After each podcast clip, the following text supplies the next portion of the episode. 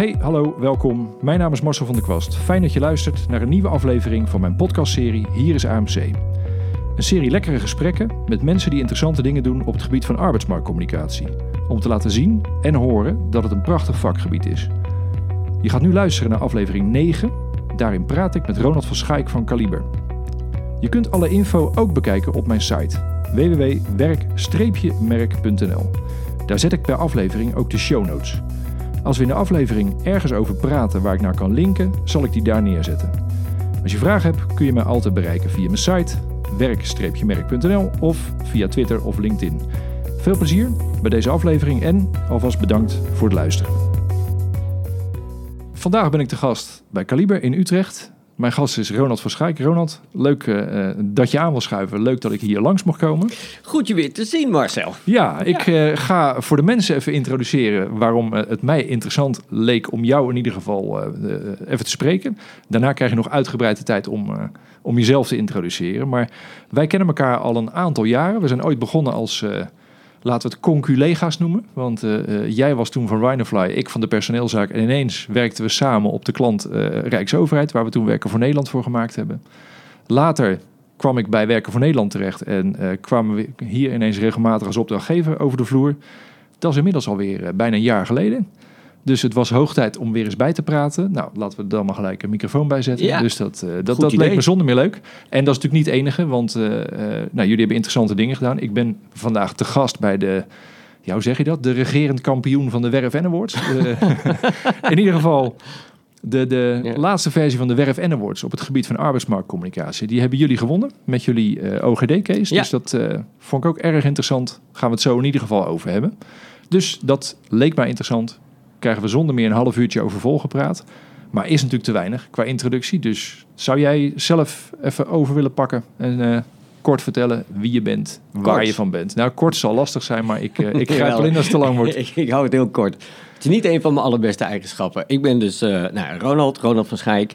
En het is zo'n twintig jaar geleden dat ik het bureau ben gestart. en dat heette tot een jaar of twee geleden heette dat Rhinofly. Um, in de jaren daarvoor hebben we een behoorlijke koerswijziging doorgemaakt. Want ik vond eigenlijk dat we een beetje te volgzaam waren geworden. En, um, en dat heeft geresulteerd in een andere positionering en ook een andere naam. En die naam die luidt Kaliber. En we zijn een bureau, zoals we het zelf zeggen, voor uh, intensieve interactie. Um, en dat maakt ons een klein beetje een reclamebureau. En het maakt ons een design- en innovatiebureau. En het maakt ons een technologisch bureau. En wij richten ons op het, uh, uh, het kraken van communicatievraagstukken en interactievraagstukken. En daarvoor zijn wij bedenkers, makers en wakers, zoals ja, ja. we dat noemen. Oké, okay.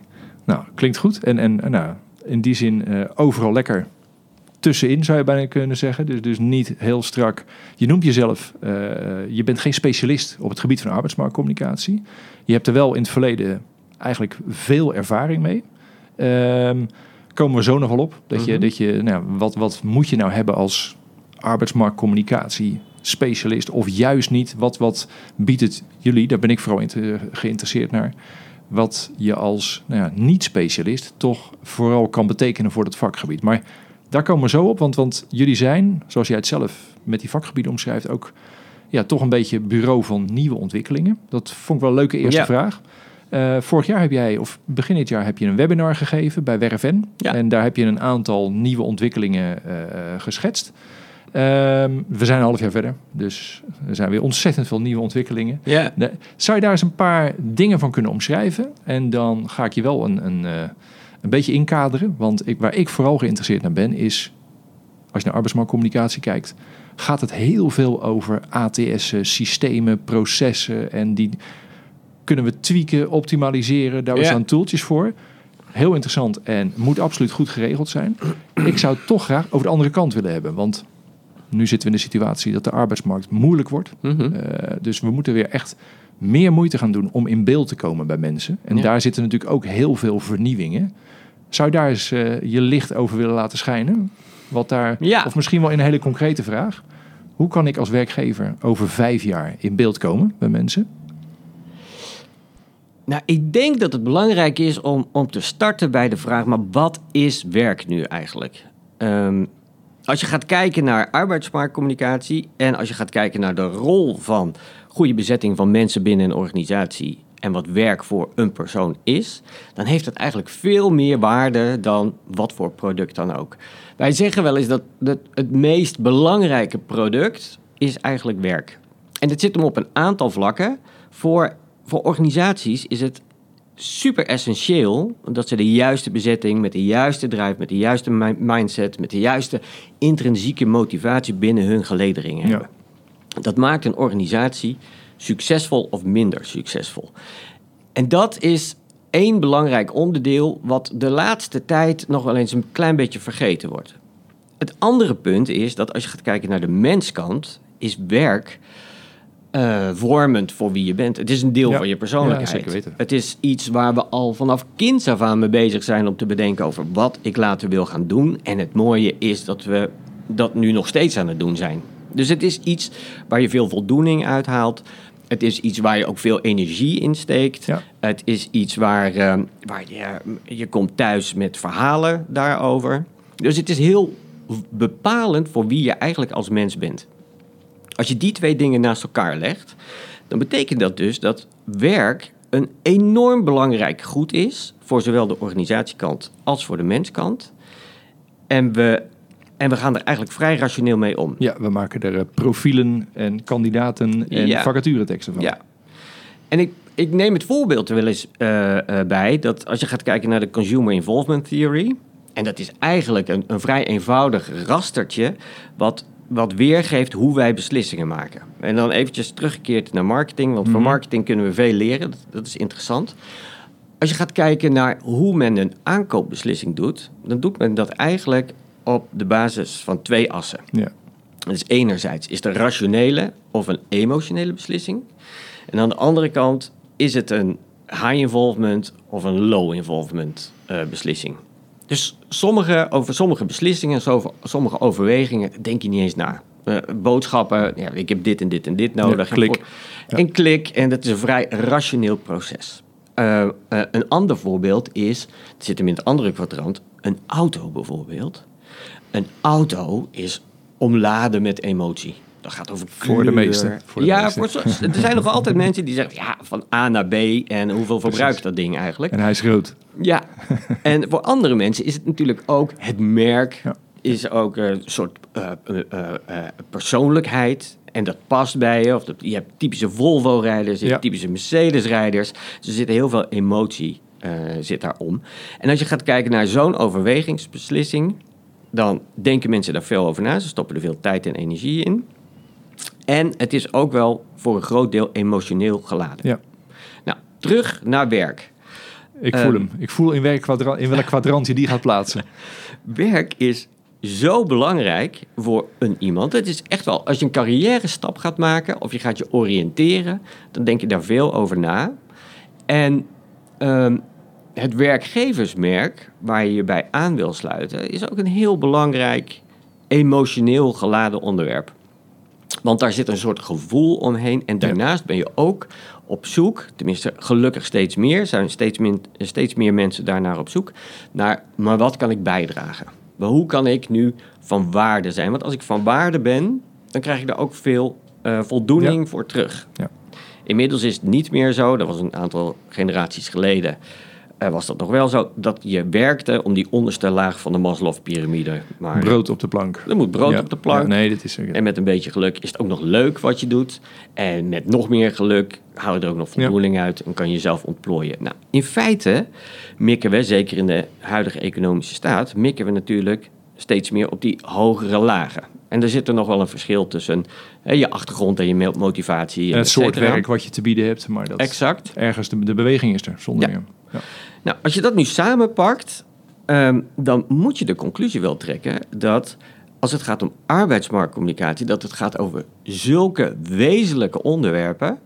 Um, waar, waar, je mensen, waar je organisaties enorm mee dient en waar je mensen ook enorm mee dient, dat dat veel meer aandacht vergt aan de voorkant naar het verhaal wat je gaat vertellen. En hoe zorg je ervoor dat je een soort match krijgt in DNA van de organisatie en DNA van de mensen.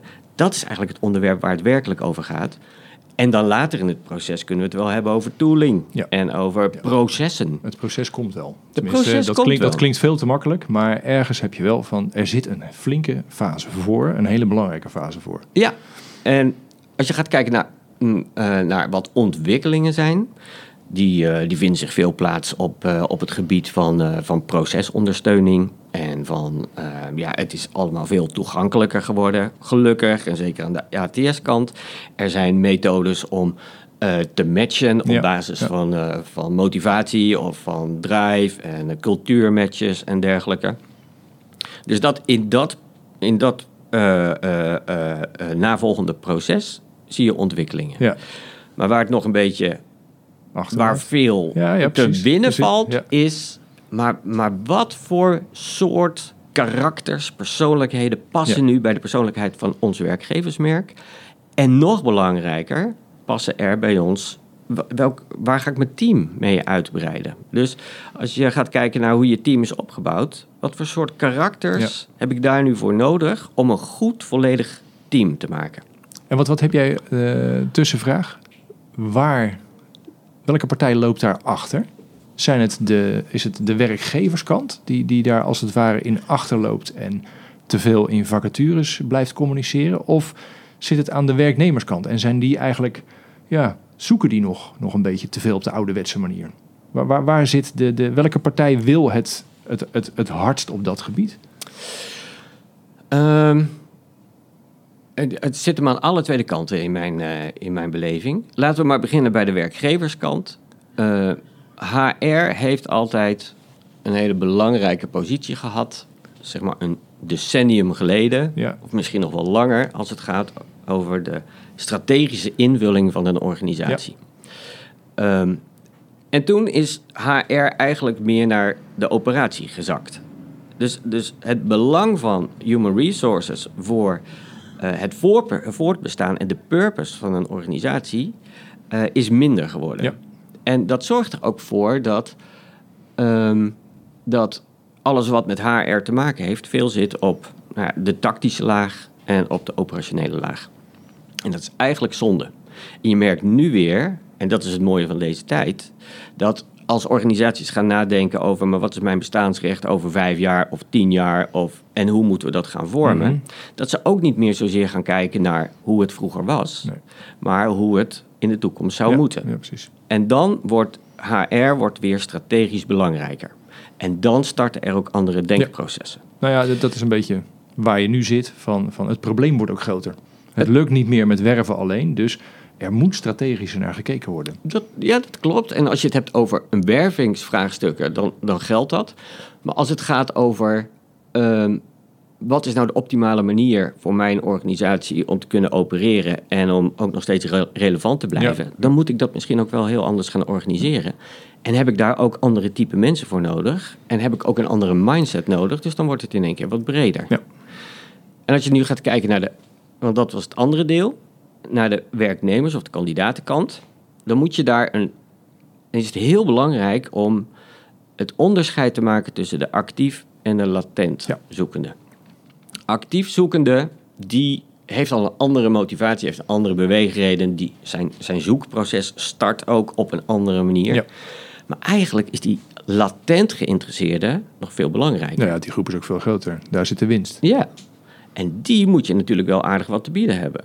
En dat betekent dus dat je je werkgeversmerk en het aansprekende karakter daarvan, dat moet al heel aantrekkelijk zijn. Ja. En niet zozeer op de korte klap, de ad hoc wervingsacties, maar eigenlijk is dat een traject van, van een veel langere periode. Ja. Nou, nou is die op zich, hè, dat, dat het belang van het employer brand, dat, dat gaat weer toenemen. Dat, dat, dat, dat ben ik met je eens. Ehm, zoals je je eigen bureau neerzet, dan zitten jullie letterlijk een beetje tussen de technologie, tussen communicatie, tussen, in, Ja. in, in, in die driehoek zoals je hem schetst, tussen verschillende gebieden.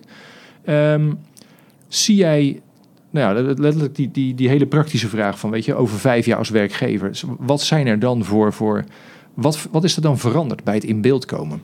En dan, dan niet zozeer dat het, weet je, dat het, het moet meer op gevoel, is het als ik, als ik jou eh, kort Ja. samenvat. Ja. Te kort, snap ik. Ehm, maar wat voor middelen, weet je, weet je, voor het gaan we denken dat we straks allemaal met een VR-bril oplopen. En dat we op die manier de arbeidsmarkt kunnen scannen. Maar dat, vind ik altijd, dat klinkt altijd een beetje te makkelijk. Maar ergens gebeuren daar natuurlijk wel interessante dingen. Ja. Waar, je, nou ja, waar je mee aan het experimenteren bent. Heb je, heb je daar voorbeelden van? Ehm, wij, wij experimenteren heel veel met nieuwe technologieën. Eh, met VR en met AR en met eh, eh, artificial intelligence, maar ook interactiviteit in de ruimte bijvoorbeeld. Mhm. Dus we vinden het altijd interessant om te kijken wat voor nieuwe vormen van interactie eh, bestaan er, Mhm. komen er in opkomst voorbij de grenzen van het beeldscherm. Ja. Wij hebben nu ook goede soort van interactie en dat vormt ook het beeld wat wij van elkaar hebben. Ja, Op, ja. Het kan positief zijn en dat kan negatief zijn. ja, ik hoop dat ik, eh, laat ik me niet over uit. Dat- ik hoop hem, dat het een beetje positief is. Nou, het interessante van die nieuwe technologieën is dat het, het ondersteunt een andere manier van interactie hebben met elkaar. En het interessante daarvan is dat we staan aan de vooravond van allerlei mogelijkheden. En waar eigenlijk nog een beetje de focus ligt nog veel op de technologische mogelijkheden. En nog te weinig op, maar wat doet het nu eigenlijk voor interactie? Ehm, je kan VR kan je inzetten ehm, voor heel veel eh, verschillende manieren. En mijn probleem is een klein beetje dat VR ook ingezet wordt om VR maar in te zetten. ja, precies. We hebben het, dus we moeten er iets mee. We moeten iets met VR, Ja, want ja. we moeten eh, namelijk ook innovatief zijn. Ehm, en er zit een, een dunne scheidslijn tussen innovatief zijn en inventief zijn. Ja. Ehm, en, en soms is het gewoon veel slimmer om net even wat slimmer, wat inventiever te zijn dan dat je hele grote innovatietrajecten Ja. start. Ehm, als je gaat kijken naar eh, VR, even als voorbeeld. Hè. VR is, dan, dan denkt men veel aan eh, de brillen, de, de, eh, wat je met 360 graden video kan doen, eh, die grote onhandige dingen die je op je hoofd moet Ja. zetten. Maar waar we eigenlijk veel te weinig naar kijken, en dat vind ik het meest interessante, is dat je middels VR kan je mensen naar een andere plek transformeren. Ja. En dat is, en dat, daar hebben we ook een testje eh, voor gedaan, dat is levensecht. Het maakt namelijk voor je brein niet uit of je iets in een virtuele wereld meemaakt of in een werkelijke wereld. Eh, en dat testje wat we, wat we hebben eh, gedaan, om dat ook eh, wat meer voedingsbodem te geven, is we hebben een plankje en dat plankje dat ligt op de grond en dat ligt tegen de muur aan. En je hebt een VR-bril en we kijken met de Kinect, kunnen we ook je bewegingen detecteren. En wat je dan, als je daar, als je daar gaat staan, dan weet je brein, je rationele brein weet, het is een plankje het is 5 centimeter hoog. Dan kan mij niks gebeuren. Maar als je in VR, als je die VR-bril opzet, dan zie je jezelf ook echt low poly. Dus je weet, het is allemaal niet levensecht. Low poly zie je op een randje van een wolkenkrabber staan. Ja. En dat valt ook niet tegen te houden. Je krijgt de kriebels. Ja, ja, precies. je krijgt de kriebels, je vindt het eng. En je rationele brein weet dus niks aan de hand. Maar je emotionele brein, en dat is het tweede systeem, is veel sterker. Ja. Nou, en dat vind ik een interessant gegeven. Dus als je gaat kijken naar wat zijn nu die technologische mogelijkheden? Ehm, hoe kan je nu voorstellingsvermogen aanzetten middels VR? Eh, daar zijn heel veel mogelijkheden eh, voor. Dan is de vraag, hoe pas je dat naartoe Ja. in bijvoorbeeld arbeidsmarktcommunicatie? Als je de ziel van een organisatie wil blootleggen en je wil echt duidelijk maken ehm, wat dat werkgeversmerk nu werkelijk betekent, waar ze aan bijdragen, dan kan je mensen natuurlijk bij de hand meenemen en ze dat laten ervaren. Ja. Door VR, maar er zijn natuurlijk ook hele Nou andere ja, daarom. het, is, mogelijkheden. letterlijk, ik noemde het voorbeeld VR, maar nou moeten we niet eh, de suggestie wekken alsof dat ineens het ding is, maar als nee voorbeeld van. niet. Ja, precies. Ehm, het gaat er meer om dat je, je kan natuurlijk iets vertellen over Ja. je organisatie. En dan hebben we een foto met een header erop. En die kan best wel raak zijn. En dan kunnen we Ja. daaronder kunnen we heel veel letters schrijven. Maar we weten allemaal, dat gaan mensen... Nou, je moet wel heel erg geïnteresseerd zijn, wil je dat ook zeg maar, ja, tot je gaan nemen. Precies, ja. En misschien, of zeer waarschijnlijk, werkt het veel beter om de essentie van zo'n boodschap en wat je wil overbrengen te vertalen in een andere vorm. Ja, ja, precies. Om het veel meer te laten beleven. Ja, Om het, om, om het, ja. ja. Ja. dus ik wil jou wel graag meenemen naar de essentie van mijn organisatie en je gevoel geven wat voor ons heel erg belangrijk is. Eh, en daar kan ik hele andere interactieve middelen Ja. voor gebruiken. Nou, het grappige is, we hebben eh, jaren geleden, toen wij voor de marine werkten, hadden we altijd het idee, of tenminste dat was letterlijk de ervaring, op het moment dat wij mensen op een schip weten te krijgen, dan, eh, ja, dan willen ze wel bij de marine werken. Ja. Want dan zie je het, dan, dan beleef je het, dan ruik je het, weet je, letterlijk allemaal. Ja. En dat is wel grappig, dat je natuurlijk... eh, nou, toen heb je de tijd gehad van de, de, de belevenis-sites, zeg maar. We hebben ooit nog eens een keer een interactieve gevangenis gebouwd. Ja. Maar dat, dat, met die voortschrijdende techniek kom je natuurlijk steeds meer in de gelegenheid om het ja, bijna de beleving echter te maken. Ja. Ik weet een voorbeeld dat. Ik, nou, ik dacht dat het Vopak was, maar in ieder geval een van die, die organisaties met die hele grote tanks in het Botlekgebied. eh, dat die hun hoofdkantoor in Rotterdam hebben zitten. En dat je dan via VR gewoon letterlijk op de plek van die tanks eh, eh, nou ja, rond kunt lopen om het bedrijf te proeven. Nou is dat letterlijk de andere plek, weet je? Ja. Dat, dat, daar zit, ik, ken, ik ken het niet, dus ik wilde vanaf zijn. Ik, het, het zal, ik weet niet hoe, hoe belevingsvol het is, maar het is al heel erg interessant om te laten zien dat je dan dus van de ene plek mensen de andere plek kunt laten beleven. Ja. Oké, maar laten we eventjes... eh, ik ben ook de timekeeper een beetje. Hè? Dus eh, we hebben een blok innovatie, ontwikkelingen. Eh, dat, dat hebben we nu. Daar kunnen we zonder meer nog een uur over doorpraten. Eh, wil ik misschien een andere keer doen. Maar dit is wel... Ik, ik vind het erg interessant wat je zegt. Vooral om het... ehm, ja, bijna vooral omdat het niet gelijk heel praktisch wordt. Weet je, het is niet het, is niet het volgende dingetje. Wat kunnen we in arbeidsmarktcommunicatie met VR? Ja, waarschijnlijk heel veel. Ik vind de beweging die jij erachter schetst, weet je, wat je ermee, wat je ermee nastreeft, wat je, die, die vind ik veel interessanter. Dat je, dat je daar Ja. inderdaad, en dat is nu, is dat middel 1, 2, 3. Eén ding weet je zeker, volgend jaar heb je weer nieuwe middelen. En, Ja. dat, en, dat, en dat vind ik wel interessant, want ergens de arbeidsmarkt loopt er wel een klein beetje achter op de commerciële markt altijd. eh, qua communicatie. Maar je hebt nu, ik heb het idee dat we die inhaalslag aan het maken zijn, want er moet weer wat gebeuren. Ja. Dus dat. eh, laten we een, een, een knip maken, want we hadden eh, van tevoren gezegd we gaan het in twee blokken doen. Eerste blok gaan we het over innovatie hebben. Nou, punt. Dit was het innovatieblok. Hij pas net begonnen. Ja, ja oké. Ja, ja, ja, en eerlijk gezegd, ik heb wel zes vragen, maar anders komen we aan het andere blok niet toe. Nee, het andere blok wat mij heel leuk leek, is eh, wat we bij de intro al zeiden. Eh, ik, nou, ik heb zitten rekenen. Volgens mij kom ik erachter dat ik 25 jaar ervaring heb bij, vooral aan bureaukant op arbeidsmarktgebied. Eh, jij, zit, eh, jij kwam op iets minder uit, maar volgens mij ook in de buurt van de 20. Ja. Eh, weliswaar niet gespecialiseerd arbeidsmarkt, maar toch ervaring genoeg. Wat mij leuk leek, is om gewoon eens lekker... We gaan bureautje spelen. Leuk. Vandaag, we, eh, we richten een bureau op. De naam hoeven we het nu niet over te hebben. Daar komen we een keer uit, maar dat, eh, die verzinnen we. Maar wij zijn samen een arbeidsmarktcommunicatiebureau. En eh, dan zou ik wel eens een keer gewoon willen schetsen... in de, de kleine 20 minuten zoals we die nog hebben.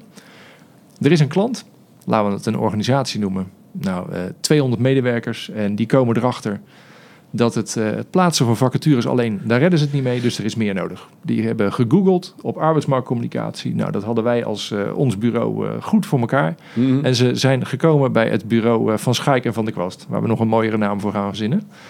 Hoe zouden wij het project of het proces met zo'n klant, hoe zouden we dat aanvliegen? Weet je, dat hebben we letterlijk, nou jij bent, eh, eh, jij was toevallig, eh, zat jij bij de telefoon. Dus jij hebt Ja. de telefoon opgenomen. Ja.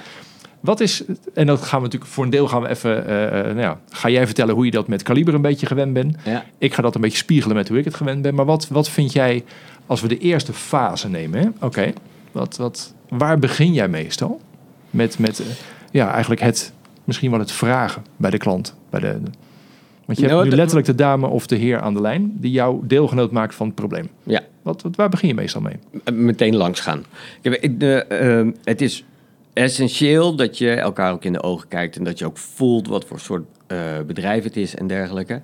Maar belangrijker is nog wel dat de manier waarop je dit probleem gaat aanpakken, dat je daar overeenstemming in hebt. De manier waarop wij eh, arbeidsmarktvraagstukken, maar ook marketingvraagstukken Mhm. of interactievraagstukken eh, aanpakken, is meestal door eerst bloot te leggen wat het vraagstuk is. Ja. En daarna wat de oplossingsrichting Nou, precies. is. Heel interessant, want dat is ook, als ik nou één ding geleerd heb, is het, als je terugkijkt op projecten waarvan je denkt, verdorie, waarom, waarom liep dat nou niet lekker? Dan kom je er heel vaak achter dat je te snel in de oplossing bent gevlucht, Ja, zonder dat je even goed stilgestaan hebt bij het probleem. ja, Want oké, welk probleem? Want als mensen al eh, eh, een gerichte vraag hebben, als je een bureau belt, dan kan die oplossing vaak ook in andere, in andere gebieden liggen. Dus dat helemaal mee eens. Eerst gaan we eens een keer goed nou, langskomen, ben ik het ook helemaal mee eens. Want Skypen, dat eh, eh, lost een deel op, maar nee, elkaar in de ogen kijken. En vooral ook, nou, ga er maar eens naartoe. En eh, wat ik interessant vind, is als je ergens moet wachten in de wachtruimte. Ja, En, om je heen kijken. Als je ergens 10 minuten te vroeg bent en je ziet gewoon wat voor mensen er binnenkomen, wat voor mensen er weggaan, daar krijg je altijd al zo lekker Ja. veel gevoel bij een organisatie Ja. bij. Wat voor soort auto's er op het parkeerterrein Ja, staan. ja, dat precies, is ook altijd heel precies. interessant. Ja. En dat, is, eh, dat was bij de verschillende ministeries erg leuk. Dat je feilloos het verschil aan mensen ziet tussen het ministerie van Financiën of het ministerie van Veiligheid en Justitie. Dat Ja. is echt eh, Ja, die rijden in panzer, gepantserde auto's. Hè? De tanks. nee. midden in Den Haag, ze zien zoveel auto's. Ehm, dus eh, ja, erg De- interessant. de eerste dit- fase. Dat is, dat is belangrijk. En, ehm, en soms vinden organisaties dat gedoe. Ja. Dat die zeggen van, ja, maar ik weet het al. Precies. Ik heb het allemaal al op orde. Ik heb het ook al in de briefing staan. Ja.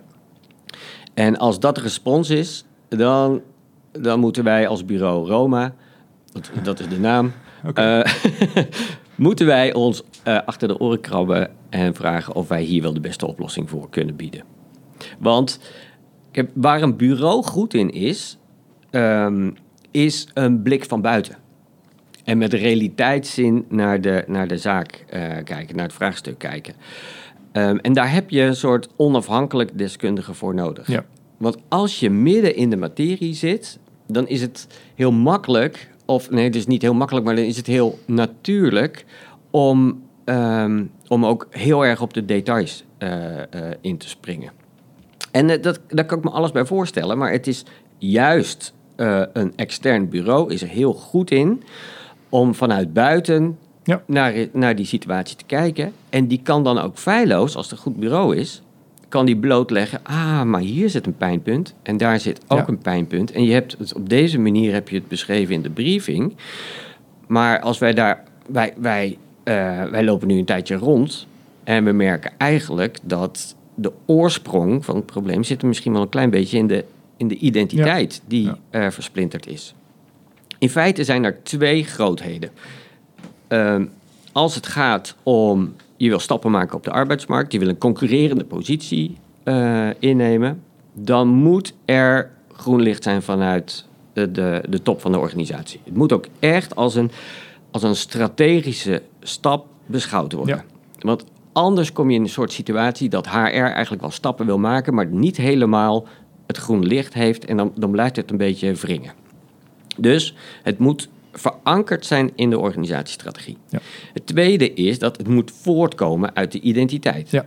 Nou, dat is, dat is bijna mijn. eh, dat zou bijna de tweede stap zijn. Weet je, dat je zegt van, van het probleem. Laten we naar het, het verhaal gaan, iets meer. Wat is Ja. het verhaal van deze club? Ja, Dat, eh, en Dus- dat, dus maar misschien, nog, misschien nog één ding aanhakend op jouw, Ja? eh, jouw buitenstaandersblik. Ik ben vaak al heel erg verbaasd over het voorstelrondje. Als je Mhm. bij mensen om tafel zit en die mensen die bij eenzelfde organisatie werken, hoe die zich aan elkaar voorstellen. Daar hebben echt, ik heb al eens een keer bij mensen aan tafel gezeten van, eh, eh, bij een telecombedrijf. En die kwamen binnen en die eh, zeiden hallo. En dan zeiden ze de naam van het gebouw waar ze in werkten en de naam van hun leidinggevende. En dat was genoeg. Dat was gewoon, oké, dan weet ik waar je zit en wie je bent. En, dan, eh, en ik zat daar eens buiten staan. Ik had echt geen idee waar het over ging. Dus dan moet je vragen, vertel eens, wat doe je voor werk? En, eh, oh, vertel eens, eh, hey, dat klinkt hetzelfde als wat hij doet. Werk je op dezelfde plek? Nee, dat is anders. Daar hoor je vaak zo onwijs veel interessante dingen. Ja. Alleen al op basis van zo'n voorstelrondje.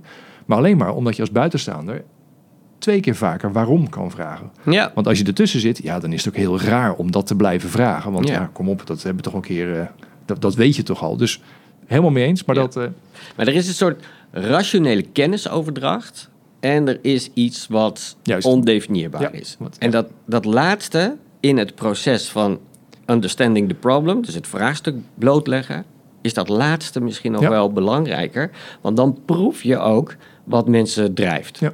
Ja. Of wat ze weerhoudt. Of wat de essentie en de cultuur van de organisatie is. Dan kan je natuurlijk opschrijven ehm, wat een cultuur is. Maar dan is het doodgeslagen Precies. in koude letters. Ja. Dus wat wij moeten doen, Marcel, eh, twee dagen stage lopen. Ja. Dan gaan we stage lopen bij die organisatie van 200 man. En dan gaan we proberen bloot te leggen enerzijds wat hun ambitie is. Waar willen ze naartoe gaan? Wat hebben ze daarvoor nodig? Eh, niet alleen de poppetjes, maar met name ook wat is de ja, het karakter van de workforce die je daarvoor nodig hebt. Ja. Ehm, en dan vervolgens moet, eh, gaan we blootleggen waar nou echt eh, het vraagstuk eh, op geënt is. Ja. Dus waarschijnlijk komen we er dan achter dat het net anders is. En soms betekent dat dus ook dat je oplossing ook anders moet Ja, zijn. nou, en, en soms, weet je, het, anders dan doen we net alsof de vraag bij een werkgever vandaan nooit klopt.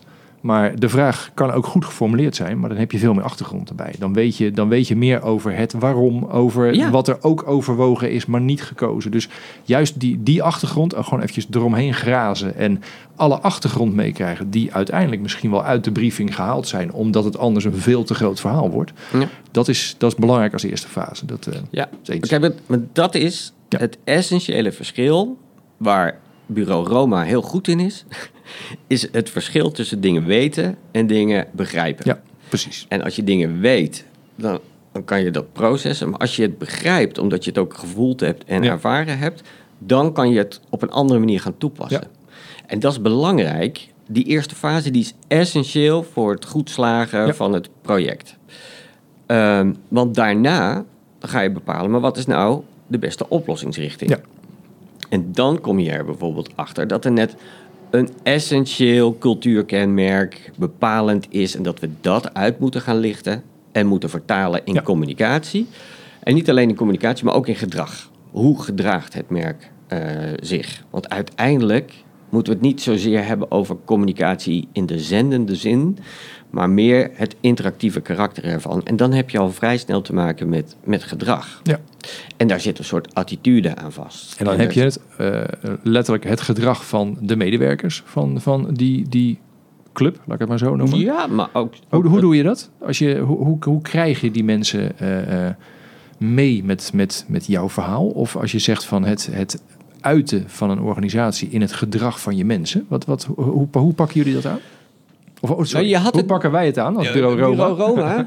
Bureau Roma kijkt dan heel goed naar wat Bureau Caliber heeft gedaan voor OGD. Je had de OGD-case, noemde je net eventjes. En ik, ik vind die case vind ik namelijk heel erg interessant, omdat ehm, wij hebben, we zijn eerst op zoek gegaan naar dat vraagstuk. En toen hebben we ons echt gewenteld in de organisatie. En dan voel je aan wat er, wat, hoe, ja, hoe, hoe die cultuur in elkaar zit. Wat maakt nu OGD OGD?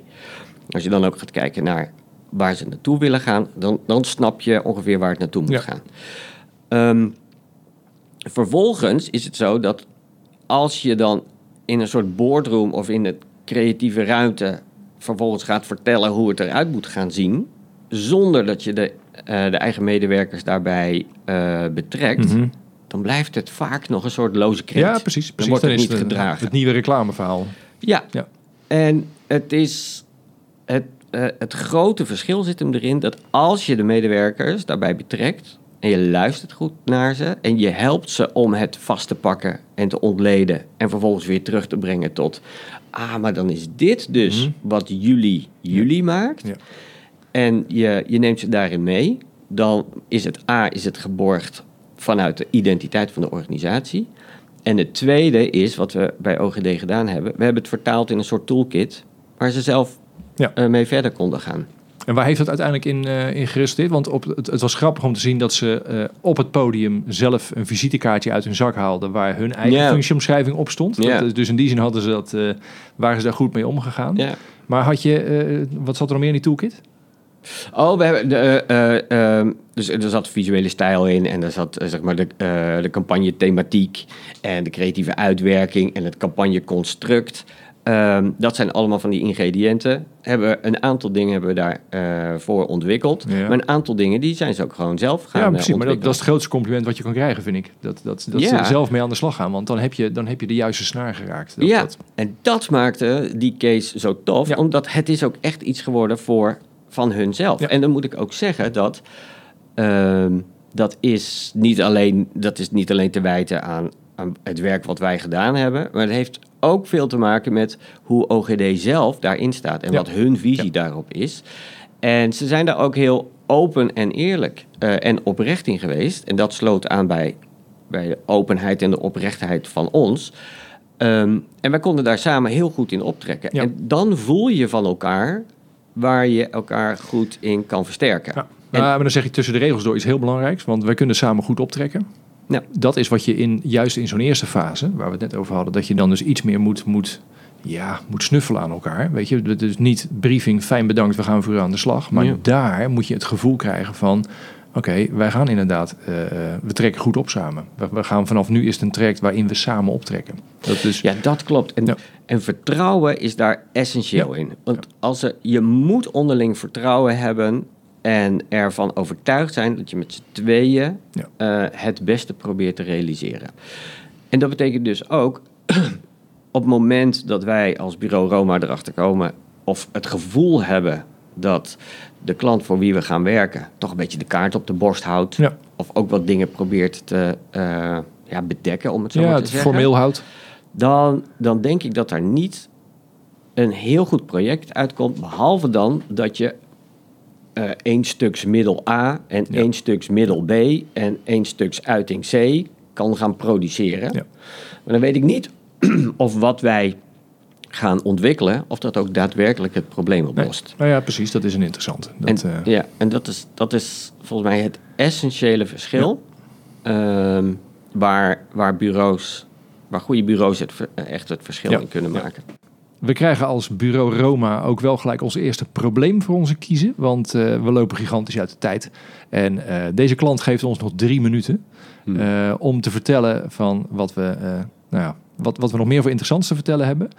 Eh, dus ik wil eventjes, we kunnen nog veel meer vertellen over bureau Roma, maar daarvoor moeten mensen maar op onze site kijken, die we na deze aflevering heel snel moeten gaan maken. Oh nee zeg. Ehm, ik wil nog eventjes, want ehm, je krijgt nog drie minuten van me. Eh, maar dan moeten we als bureau Roma even uitleggen hoe wij, los van het feit waar we het nu over gehad hebben, het verhaal, de kennismaking, erg belangrijk. Uiteindelijk willen we ook heel slim de mensen die we nodig hebben gaan bereiken.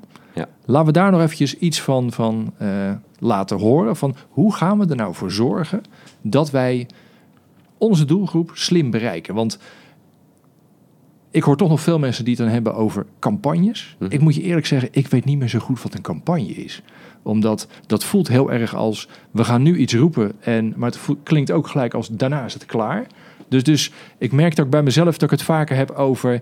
hoe gaan we in beeld komen als werkgever? Ja. Eh, en dan voelt het veel meer als een soort stapeltje van... laten we eerst maar eens kijken wat we zelf kunnen doen... wat we zelf te, te bieden, te vertellen hebben. En als het nodig is, moet je dan nog...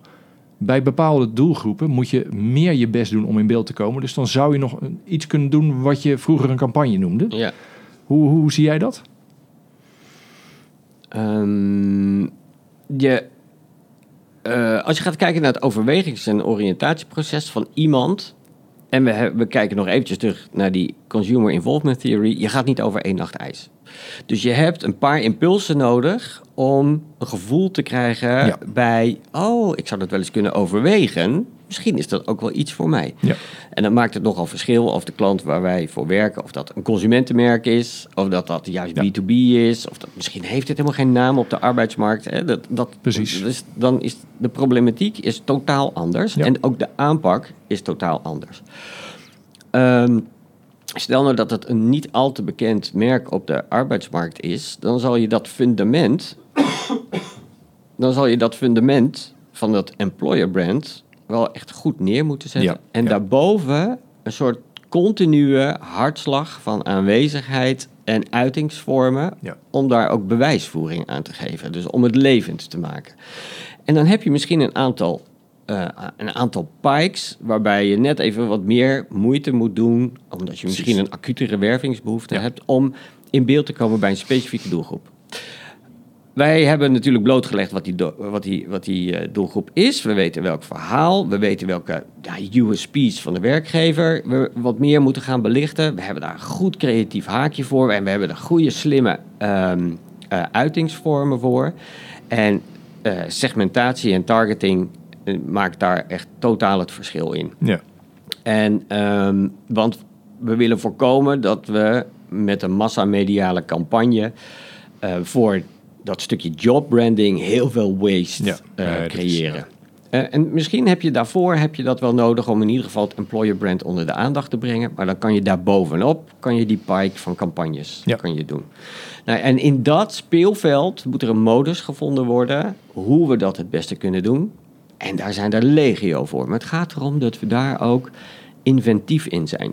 En soms moet je daar net een heel slim servicegericht dingetje voor hebben, bijvoorbeeld. Misschien moeten wij wel bedenken dat, uh, ja, dit gaan we voorstellen aan onze klant. We weten dat de geïnteresseerde doelgroep dat die uh, zich echt wel verschillende dingen overweegt, verschillende werkgevers. Dus wij faciliteren hem om de plussen en de minnen van de verschillende concurrenten op een rijtje te zetten en daar ook gewoon heel eerlijk uh, in aan te geven. En dit is wat wij jou kunnen bieden. Nou, de, de Roma werkgeververgelijker.nl. ja, ja, ja, zoiets. ja. Maar dan in een soort, ja. Dan in je, in je, pocket, op je telefoon. We moeten hier nog een beetje over nadenken. Nee, precies. Maar het is, uh, ik, ik, ik, ik, snap hem. Nou, het interessante is wat je zegt, de, de, het serviceconcept. Of ik weet niet precies hoe je, ja, hoe je het noemt, maar in plaats van te zeggen wie je bent, veel meer te, te laten zien dat je, dat je uh, de doelgroep kunt helpen. Ja, en, dan en komt dat je die, ze snapt. Ja. Nou ja, dan wordt eerst maar eens relevant en cool, dan gaan we daarna wel werken. Werven. Ja. Dat, dat is letterlijk wat ik pas iemand hoorde zeggen, van het hele in beeld komen... Ja, dat moet je niet doen door te werven. Laat eerst maar zien wat voor interessants je te bieden hebt. Dan snapt iedereen dat je ergens een keer, je, ja, dat je een keer met een aanbod komt. Ja. Maar dat is dan heel logisch en geaccepteerd. Ja. Oké, ik, uh, ik ga deze eerste directievergadering van uh, Bureau Roma ga ik bij deze afsluiten. Ik wil alle aanwezigen bedanken voor hun, hun bijdrage. Graag gedaan. Graag gedaan. Nee, nee, Graag gedaan. Ik wil zeggen, tot zover de, even, even de harde knip met de inhoud. Want ik heb een klein beetje format in deze podcast.